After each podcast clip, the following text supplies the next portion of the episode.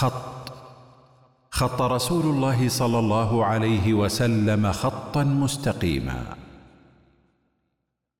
السلام عليكم ورحمة الله وبركاته. وعليكم السلام ورحمة الله وبركاته. مرحبا دكتورة كيف حالك؟ أهلا وسهلا الله يحييك. بسم الله الرحمن الرحيم الحمد لله والصلاة والسلام على رسول الله وآله وصحبه ومن والاه. آه، في الحلقة الماضية آه، حينما تحدثنا عن عن أثر المصطلحات عن تحرير المصطلحات وأثرها وأثر تحريرها. حقيقة تفكرت في من حولي وجدت وجدت أن التلاعب بالمصطلحات حاضر في مجتمعات متعددة حيث يصور المصطلح بصورة معينة نتيجة التأثيرات الخارجية الموهمة أو القاصرة عليه أو أو على محيطه. فمثلا يفسر التدين بشيء معين أو الدين بشيء ما وحتى ندخل لهذه الحلقة. التي هي حديثنا عن التدين والروحانيات أو الروحانية والتدين. بودنا قبل البدء بالحلقة أن نحرر مصطلح التدين أو الدين نبين المفهوم الصحيح للتدين. نعم الحمد لله رب العالمين والصلاة والسلام على نبينا محمد وعلى آله وأصحابه أجمعين. آه، أحسنتي في هذه المقدمة وأنه ينبغي قبل الحديث عن أي موضوع أن يقدم لذلك بحد وتعريف. ومن الأهمية بمكان أننا نعرف الدين قبل أن نقارنه بالروحانية. آه، أريد أن أؤكد أنه لما نعرف الدين أننا لا نقصد به الدين الإسلامي لأنه بعض الناس آه، هناك اصطلاح طبعا اصطلاح عام وهناك اصطلاح خاص. الاصطلاح الخاص هو اصطلاح أخص من الاصطلاح العام الذي يطلق على الدين عموما بينما الاصطلاح الخاص آه، يطلق الدين مثلا على الدين الإسلامي وهو الذي ينصرف إليه الذهن. لكن تعريفنا هنا ليس مخصوصا بالإسلام وحده وإنما هو عام لجميع الأشكال وأنواع التدين. آه، إذا أردنا أن نعرف الدين فإننا سنعرفه بأنه منظومة آه، اعتقادية ومنظومة سلوكية.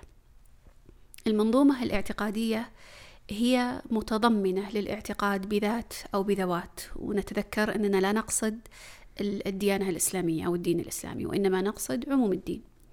فهي تتضمن الاعتقاد بوجود ذات أو ذوات لها تصرف وتدبير في شؤون العالم بشكل عام.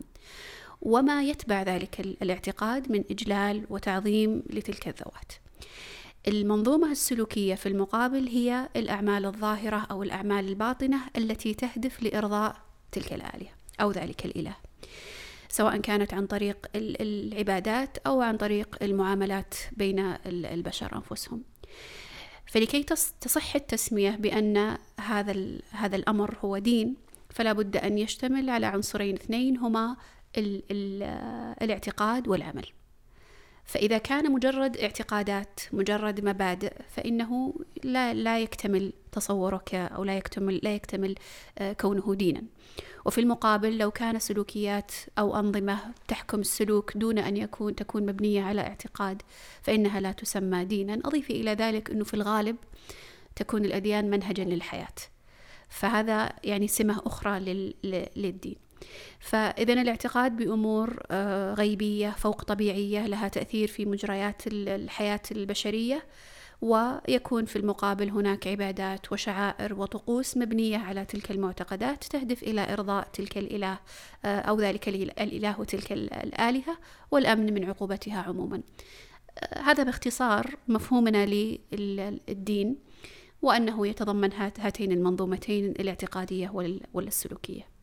يعني دان يدين فهو خاضع. لهذا أنا تجاوزت حقيقة التعريفات اللغوية. ويعني أظن أنها لا, يعني قد لا تخدمنا كثيرا في هذا السياق. م. وركزت على الجانب الاصطلاحي وهو تعريف ترى تعريف الدين تعريف مشكل. أنا انتقيت يعني من من التعريفات ما يعني ما أتصور أنه يفي ويقرب المفهوم. بما يتناسب مع السياق الذي نحن فيه وإلا فالكلام والنقاش في موضوع الدين والتدين وتعريفه ترى يطول الكلام فيه. صحيح. نعم. إيه، يقولون دائما لا يوجد مدينة بلا معابد. هذه تتكرر كثيرا. يعني هذه تدل دائما على الحاجة للتدين أو الحاجة للدين. إلى أي مدى؟ أنا أتصور أنه ممكن بالنظر في الواقع يصل الإنسان إلى إلى إلى نتيجة وإلى تصور عن أهمية الدين في حياة الناس أو أو على أقل تقدير إلى ميل الميل الطبعي والجبلي للتدين في الطبيعة البشرية.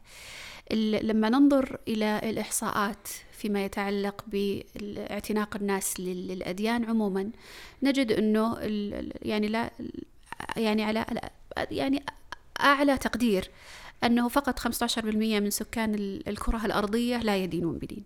مما يعني أنه 85% إن لم يكن أكثر من ذلك يعتنقون نوعا ما من من الدين أو ينتسبون إلى إلى دين معين، طبعا لا يعني هذا أنه هؤلاء كان حقا أو بالضبط لا يعني هذا أنه هؤلاء المتدينين ايا كان دينهم أنهم قد أصابوا الحق بهذا هذا الميل. الآن الكرة الأرضية سكانها سبعة يعني مليار و800 مليون نسمة إنسان. منهم فقط مليار و200 مليون مسلمين. ف وما أكثر الناس ولو حرصت بمؤمنين. هالمليون هذا والمئة المليار والمئتي مليون هذا يشمل حتى الفرق المبتدعة والفرق الضالة وغيرها ممن ينتسبون عموما إلى إلى الإسلام. لكن المقصود أنه الميل الطبعي للتدين هذا ظاهر في في البشرية بمجرد المشاهدة والمسح العام الذي يكون من خلال مثل هذه الإحصاءات. لو نظرنا إلى التاريخ حقيقة سنجد أنه ثمة يعني حروب مطولة إنما نشأت لأجل المعتقد والدفاع عنه ولا شك انه الحروب أسبابها مختلفة لكن من أبرز الأسباب التي من أجلها يقاتل الناس ويتقاتلون ويفدون ال ال يفدونه بأرواحهم هو ما يتعلق بالدين والإيمان وهذا في في كثير من من المعتقدات حتى المعتقدات الباطلة ينافح الناس من أجلها ويدافعون من من من أجلها. فهذا النظر للتاريخ و يعني اعتناق الناس لهذه المعتقدات على على مدى عصور مطولة يدل على أنه يوجد هذا الميل بل الميل الشديد للاعتقاد والميل الشديد للتدين والانتساب للدين. النبي صلى الله عليه وسلم قال ما من مولود أو كل مولود يولد على الفطرة فأبواه يهودانه أو يمجسانه أو ينصرانه أو يمجسانه وهذا أيضا يدل على أنه يوجد هذا الميل الجبلي للإيمان للاعتقاد الصحيح, الصحيح الذي هو الفطرة الذي الصحيحة هو الفطرة نعم. الصحيحة والاعتقاد بربوبية الرب جل جلاله هو الميل إلى قبول قبول الحق. ثم ينحرف إلى نوع من الدين, الدين أيضا. أم. ثم ينحرف بالبيئة وبالمؤثرات الخارجية إلى نوع آخر منحرف من التدين. فهو ما انحرف في الغالب إلى عدم التدين وإنما انحرف إلى تدين منحرف.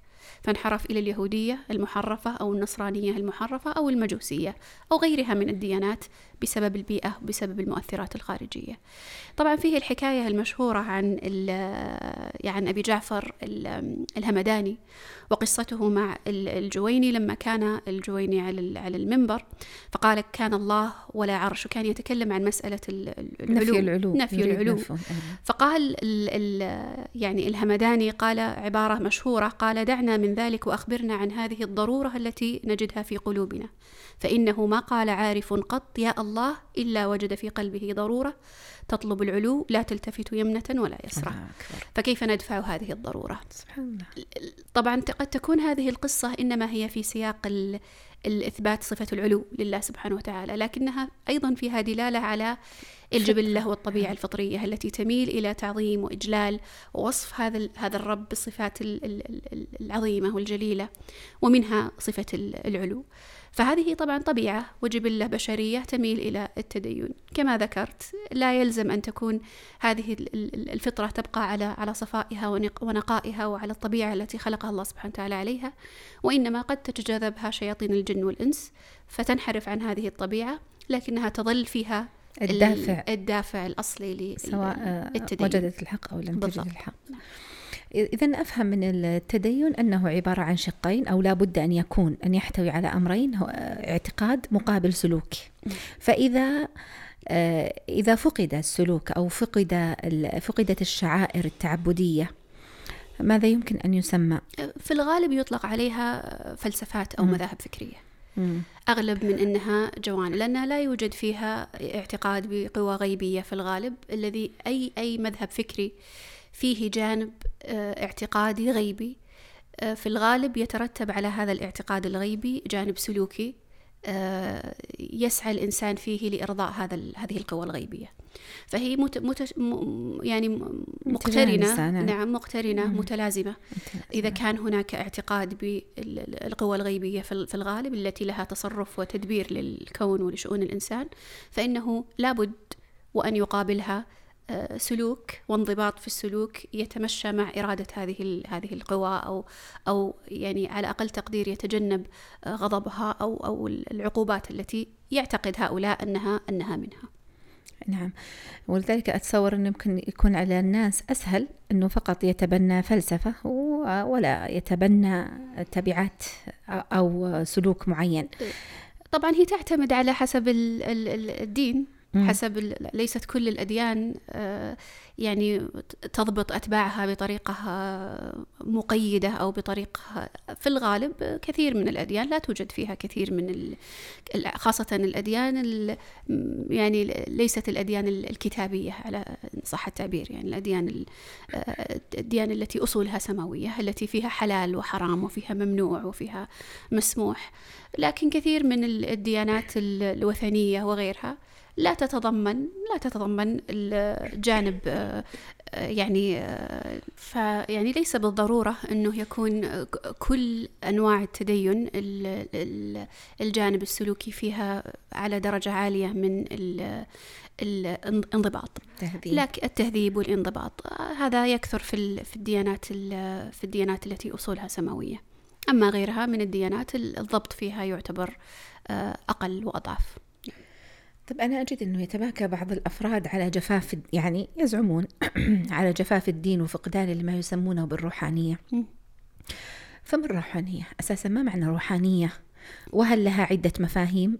وما دواعي لجوء بعض المسلمين للروحانيات المجردة مع كمال دينهم هل هو ابتغاء دين متخفف من التكاليف؟ أيوة يعني أنا الآن يعني أشكل علي هذا المقدمة هذا السؤال لما قيل مثلا أن أن هناك من يقول بأن الشرع أو الدين الإسلامي خالي أو أو يفتقر إلى الروحانية. أنا بودي أن نعود إلى حلقاتنا الأولى عندما تكلمنا عن تحرير المصطلحات. فقبل أن نقول هو يفتقر إلى الروحانية أو هو مشبع بالروحانية لابد أن نعرف ماذا تعني الروحانية. صحيح. وممكن يطول الجدل بين شخصين حول هل الإسلام دين روحاني أو الإسلام ليس كذلك آه لأجل أن أنهما لم يحررا مصطلح الروحانية ولا لا يدري كل منهما عن ما يريده الآخر. طبعا الروحانية من من حيث النسبة بضم الراء لأنها كثيرا ما يعني يخلط بينها وبين الروحانية بفتح الراء. الروحانية بضم الراء إنما هي نسبة إلى نسبة إلى الروح. الروحانية لا تعتبر من الاصطلاحات الشرعية وهذا الذي يجعلنا نتردد في الإثبات أو النفي فيما يتعلق بالروحانية وإثباتها أو نفيها عن الشريعة الإسلامية. لا أعلم نصا شرعيا. في الكتاب ولا في السنة يثبت لفظة الروحانية. وكل ما نسب إلى النبي صلى الله عليه وسلم فهو حديث موضوع. لا يصح عن النبي عليه الصلاة والسلام أي شيء في في كلمة الروحانية. فالروحانية عموما هي مصطلح يعتبر مصطلح آه، مستورد من ثقافات أخرى. في الغالب هو مصطلح مترجم مصطلح مستفاد من ثقافات متنوعة ليست ليست ليس هذا المصطلح نابعا من الاصطلاح الشرعي أو البيئة الشرعية. مترجم عن ماذا؟ مترجم عن كلمة مقابلة اللي هي spirituality أو نحوها في اللغة الإنجليزية مثلا. الكلمة هذه في يعني نشأت في الغالب في بيئة نصرانية في بداية أمرها في بيئة دينية.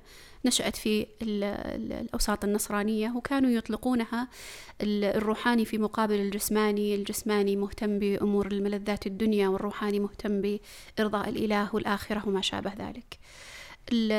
لكنها على كل حال يعني تنقل مفهومها حتى وصلت إلى المعنى الموجود الآن اللي هو المعنى الشائع للتيارات الروحانية.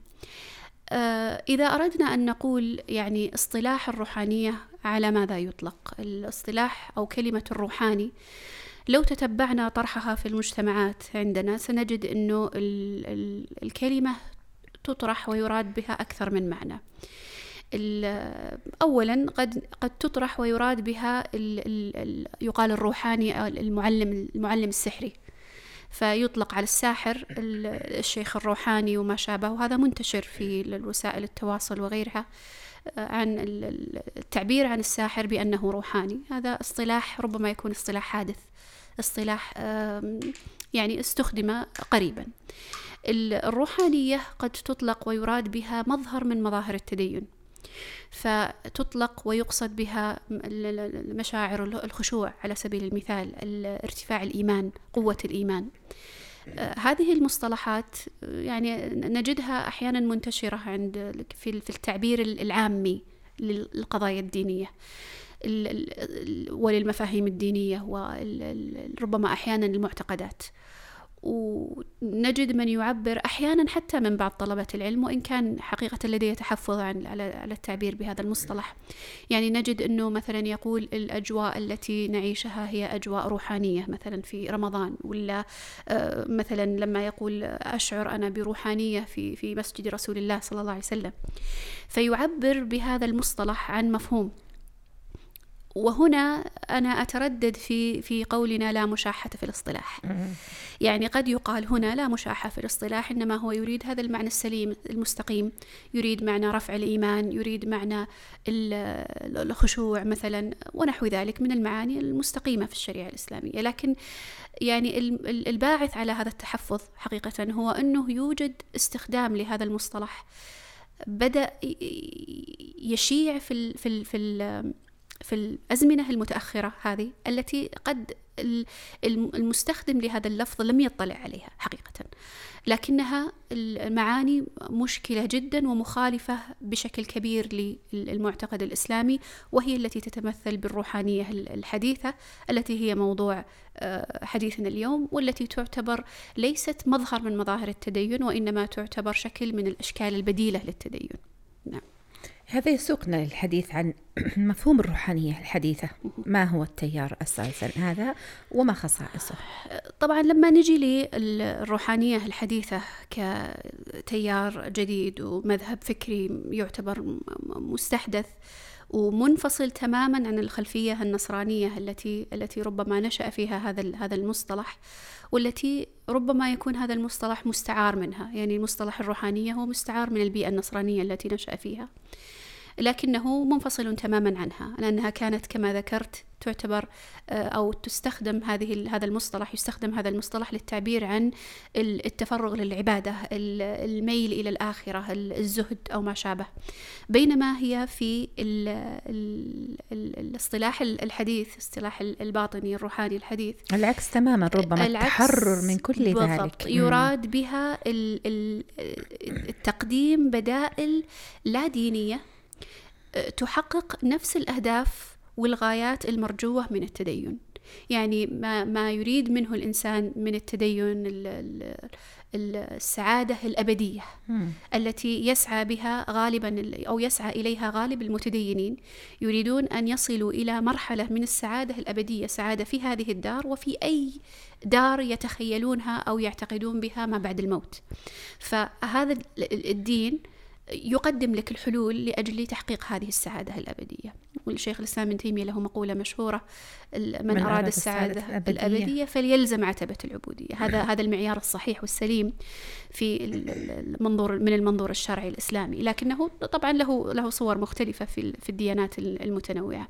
فهو يعتبر الروحانية تعتبر شكل من أشكال الثورة حقيقة على التدين الذي يطلقون عليه التدين التقليدي التدين آه، بتعبير آخر التدين المنظم الذي له آه، حدود وله يعني آه، شخص يدخل فيه وشخص يخرج منه هذا مسلم وهذا كافر وهذا نصراني وهذا يهودي لها حدود معينة.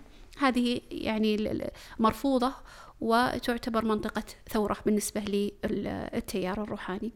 فتعتبر يعني بشكل عام آه، آه، يعني شبه معتقدات شائعة عامة مصدرها في الغالب داخلي ليس خارجي وهذا سأتحدث عنه فيما, فيما يتعلق بالخصائص الروحانية. لكن بودي أني يعني أقدم وإن كان يعني مقدمة يسيرة على نشأة الفكر الروحاني. وكيف اكتسب هذه الخصائص قبل أن أتحدث عن نشأة الفكر الروحاني في في الغرب. في البلدان الغربية. قبل أن يتشكل كتيار آه، حديث. بالضبط. هذا المقصود. بالضبط. يعني هو أساسا ذاك الوقت ذلك الوقت يعني. في نشأة التيار الروحاني أو قبل نشأة التيار الروحاني ما سبب المعاداة لل... كانت ذكرتي أنها نش... أنه نشأ في آه، مجتمع نصراني. هو نف... مو... ليس نفسه. يختلف عن التيار. الحديث بالضبط منفصل نعم. تماما عنه نعم. هو نعم. هو لا يعتبر التيار الروحاني الحديث امتداد للروحانية النصرانية اطلاقا مم. وإنما أنا ذكرت الروحانية النصرانية فقط لأجل تأريخ المصطلح لا لا غير إيه نعم. وإنما لا يوجد حقيقة ترابط بين بين الاثنين بل توجد يوجد انفصال وتباين ظاهر صح. وتنافر مم. بين التيار الروحاني الحديث وبين النصرانية بل ربما تعتبر من ألد الخصوم صح. للروحانية النصرانية الديانة النصرانية بصورتها الحالية طيب تحدثين عن النشأة نعم طبعا النشأة ممكن أن نعيد النشأة في التيارات الروحانية إلى الديانات الشرقية يعني لما نريد أن نرجعها إلى أصولها وجذورها القديمة سترجع إلى الديانات والفلسفات الشرقية اللي هي بالأساس الديانة الهندوسية ومن ثم بعدها البوذية وبدرجة أقل من منهما الفلسفة الطاوية. فالفلسفة الهندوسية والبوذية تعتبر الجذور الرئيسة والأساسية للتيارات الروحانية. كمنظومة فكرية آه، سنتحدث عن خصائصها بعد قليل. آه، لكن أنا أنا أريد أن أن أرجع الأصول إلى يعني بدايات نشأة هذا التيار كتيار حديث وهو يعتبر تيار فتي نسبيا في بالنسبة لتأريخ المذاهب. يعتبر من المذاهب المعاصرة يعني لا يزيد عمره عن عن عن 200 سنة كبدايات جذوره الحديثة. وربما الصورة الحديثة الأخيرة هذه لا تزيد عن 100 سنة. ففي في بداية ال ال يعني سأرجعه إلى نشأة الولايات المتحدة إلى أمريكا. طبعا لما نشأت الولايات الأمريكية المتحدة في القرن القرن الثامن عشر أنشئت ك يعني عبارة عن محطة للهجرة وكانت غالب الهجرة من بلدان أوروبا وكان غالب المهاجرين وبدايات المهاجرين كانوا من النصارى وبداية نشأة أمريكا كانت مستعمرة إنجليزية بريطانية. فمع أنه الدولة لما أنشئت واستقلت آه، أنشئت على مبادئ آه، علمانية من الجانب السياسي إلا أنها من الناحية الثقافية والاجتماعية أريد لها أن تكون آه، دولة نصرانية. ولا تزال هذه المعالم النصرانية واضحة حتى اليوم ظاهرة في الثقافة المجتمعية الرسمية. الأعياد الرسمية يعني المخاطبات الرسمية كلها لها طابع لها طابع نصراني.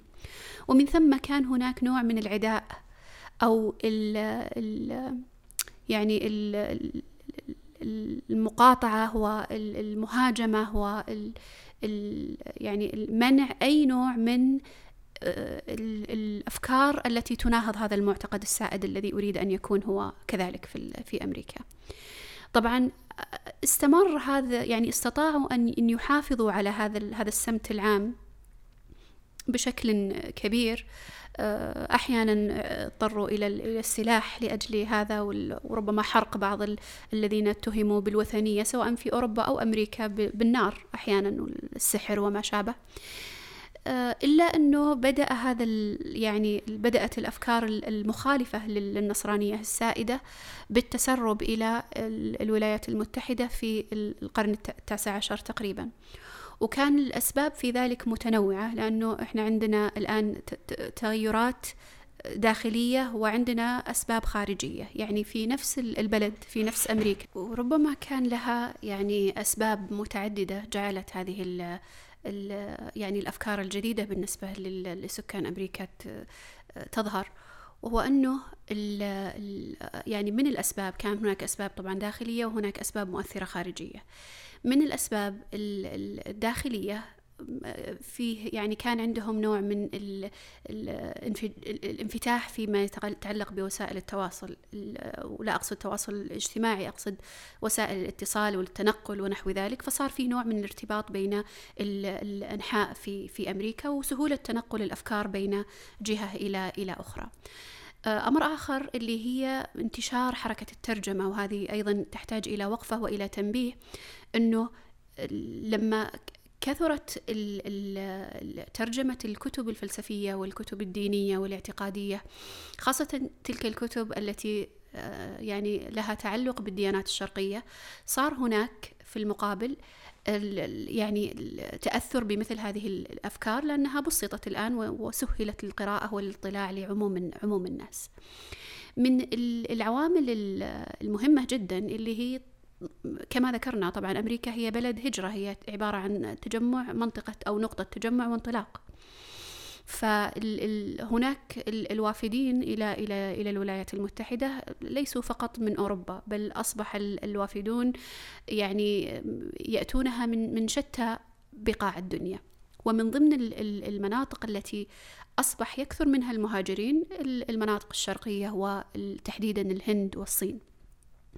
فانتقل هؤلاء من بلاد الهند وبلاد الصين مع خلفياتهم الثقافية والدينية وبعضهم كانوا يعني من من كبار الفلاسفة في الهند أو كبار على الأقل المتحدثين والدعاة إلى الديانة الهندوسية. ومن أبرز هؤلاء آه، كان فيه رجل اسمه سوامي فيفيكاندا. وهذا الرجل آه، هو رجل هندي هندي الأصل لكنه ذهب إلى أمريكا وكان من ال ال يعني المتحدثين في في مؤتمر للأديان في شيكاغو في نهاية القرن التاسع عشر في ربما في سنة 1893 للميلاد. وكان من يعني المتحدثين في ذلك المؤتمر وكانت تعتبر الخطبة التي ألقاها تعتبر خطبة تاريخية وتعتبر تحول كبير جدا في الثقافة الأمريكية قدم للأمريكان آه، فلسفة ما يعرف بفلسفة الفيدانتا وفلسفة اليوغا. فكانت بداية ظهور هذه الفلسفات الهندوسية في أمريكا من خلال هذا هذا الاستعراض الذي عرضه في ذلك المؤتمر وكان يدعو بلا شك إلى إلى وحدة الأديان وإلى آه، عقيدة وحدة الوجود ونحو ذلك كما هو متقرر في فلسفة البيدانتا. آه، من من اللطائف التي يذكرها بعض الباحثين في الأسباب التي جعلت المجتمعات الأمريكية آه، تكون منفتحة إلى حد ما وتتقبل الأفكار الجديدة التي وفدت إليها والتي بدأت تظهر. ما يتعلق بالحركة النسوية وربما يقال وش العلاقة بين الحركة النسوية وبين الأفكار الاعتقادية الوافدة.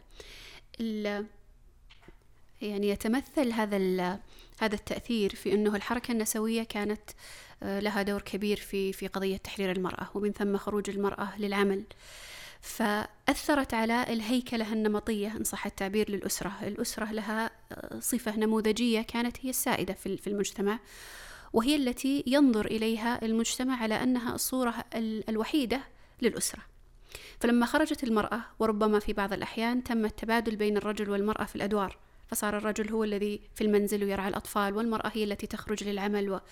فانكسر حاجز تقبل الأفكار التي تصادم المستقرات في, في الأذهان.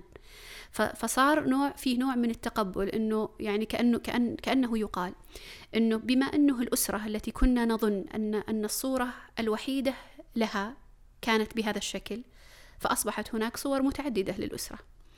ومن ثم فالصورة الوحيدة التي نعتقد أنها أنها الطريقة للخلاص وهي التدين قد لا تكون هي الطريقة الوحيدة. فممكن أن يوجد لها بدائل يتقبلها المجتمع ولا ولا ولا إشكال في ذلك. فصارت مثل هذه الدعوات النسوية لها دور لا أقول بالضرورة دور مباشر في تشكيل الفكر الروحاني أو في انتشاره لكنها في تمهيد آه، التمهيد لقبول مثل هذا مثل هذه الأفكار. آه، ممكن تتبع بدايات الأفكار الروحانية في الغرب بما يعرف بالحركة التجاوزية أو ما يسمى بالفلسفة المتعالية. الفلسفة المتعالية كانت ربما أول يعني مذهب فكري في الولايات المتحدة آه، يتبنى المعتقدات الشرقية بشكل ظاهر. آه، كانت أبرز فكرة قدم قدمها هذا هذا المذهب وهو كان يعني بدايته كانت مقالة لرجل اسمه آه، رالف والدو إمرسون وهذا الرجل للأسف يعني يحال إليه حتى من قبل بعض المتأثرين بالروحانية من أبناء المسلمين اليوم. آه، شخصية تعتبر شبه مغمورة في الغرب لكنها آه، يعني أعيد إحيائها وأعيد الإحالة إليها والرجوع إلى مقالاتها بسبب التأثر بالروحانيات الغربية. آه، كانت أبرز معالم هذه الحركة اللي هي الحركة التجاوزية أنها تقدم طريقة مستحدثة للخلاص وهي أنه الخلاص لا يكون بالضرورة عن طريق التدين بل لا يكون عن طريق التدين وإنما يكون عن طريق الالتفات إلى الداخل. فطريقة الخلاص بمعنى النجاة بمعنى تحقيق السعادة الأبدية كما ذكرنا قبل قليل أنه لا يكون عن طريق التدين وعن طريق الطقوس والعبادات والالتزام بشعائر معينة وإنما يكون بالالتفات إلى الداخل وعن طريق النظر إلى حقيقتك الداخلية واستكشاف حقيقتك الإلهية كما هو متقرر في الديانات الشرقية. فكانت هذه الجزئية يعني هي التي قدمها قدمتها الفكر أو الفلسفة المتعالية. بعدها جاء المذهب الروحي. والمذهب الروحي أو أو ما يسمى بالروحية. هو آه، يعني مذهب يخلط آه، كثير من الباحثين المعاصرين بينه وبين الروحانية. وأنا أرجع السبب في ذلك إلى أنه الروحانية يعتبر مذهب جديد على أقل تقدير بالنسبة لطلبة العلم الشرعي والمهتمين بالمذاهب المعاصرة. فليس كلهم قد يعني استوعب ودرس الأصول الباطنية الحديثة والتيارات الروحانية الغربية ونحوها ومن ثم يخلطون بين الروحانية والروحية. الروحية مذهب مختلف تماما عن الروحانية.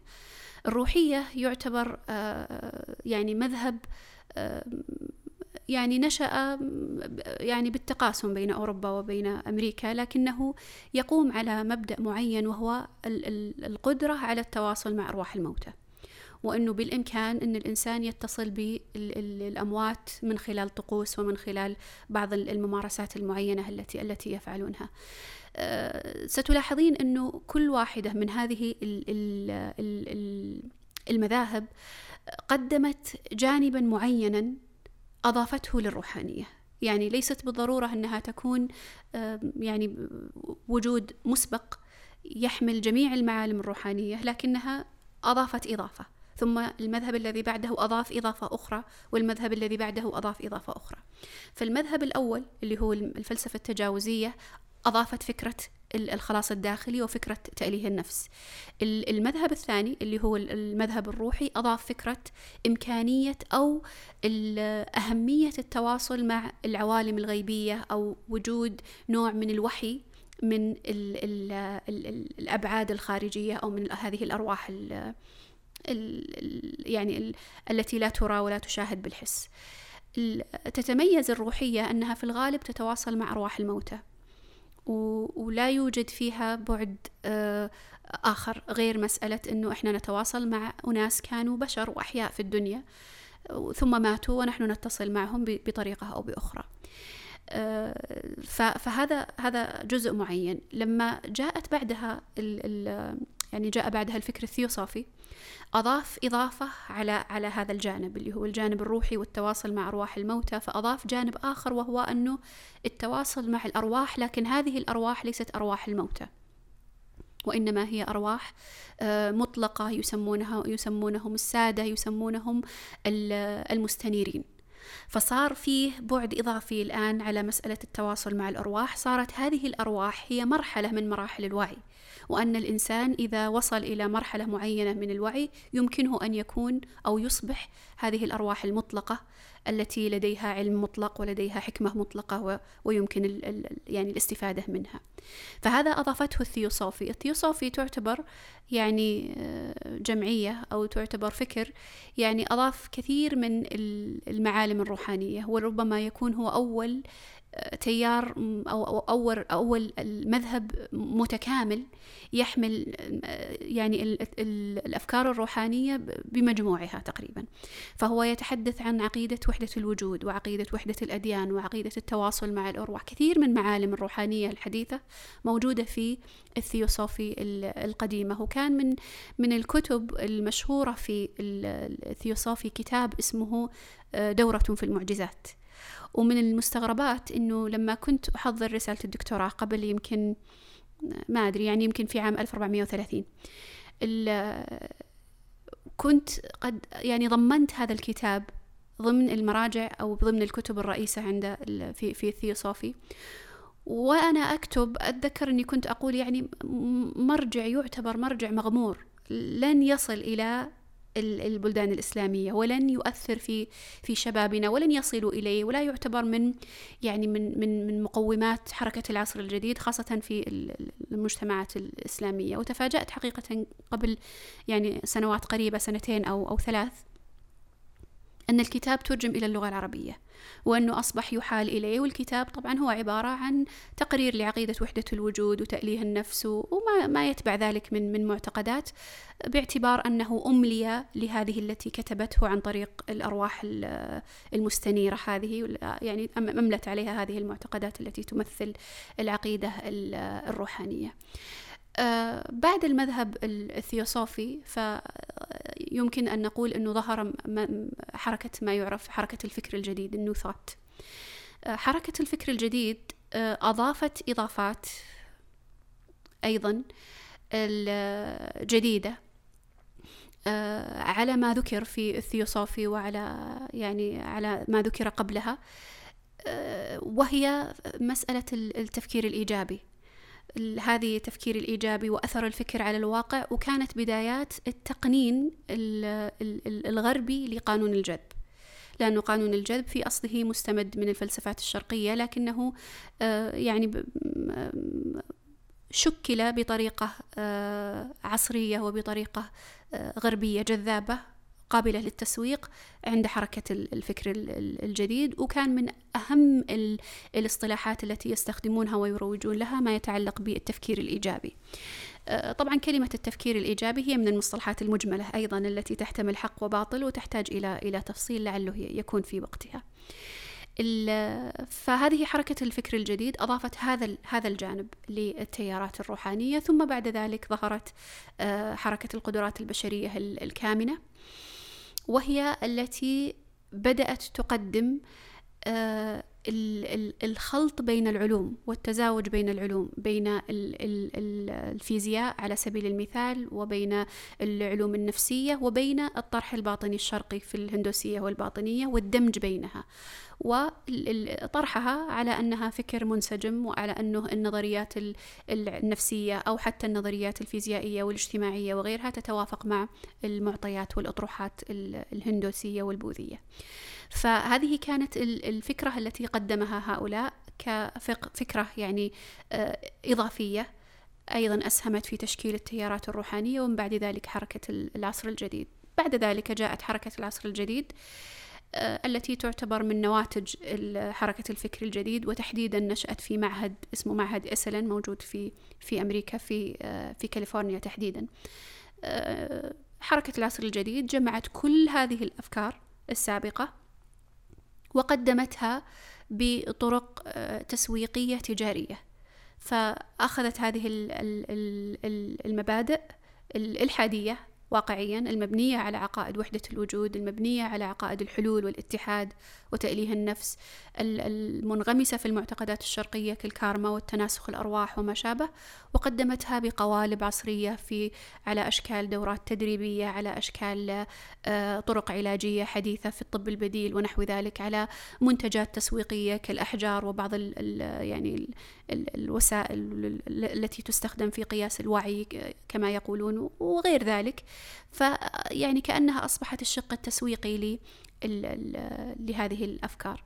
على كل حال الروحانية آه، نشأت عبر هذه الأزمنة الممتدة أو العقود الممتدة وتشكلت بشكل نهائي يعتبر في القرن التاسع عشر وتحديدا بشكل أدق وأكثر ظهور في القرن العشرين.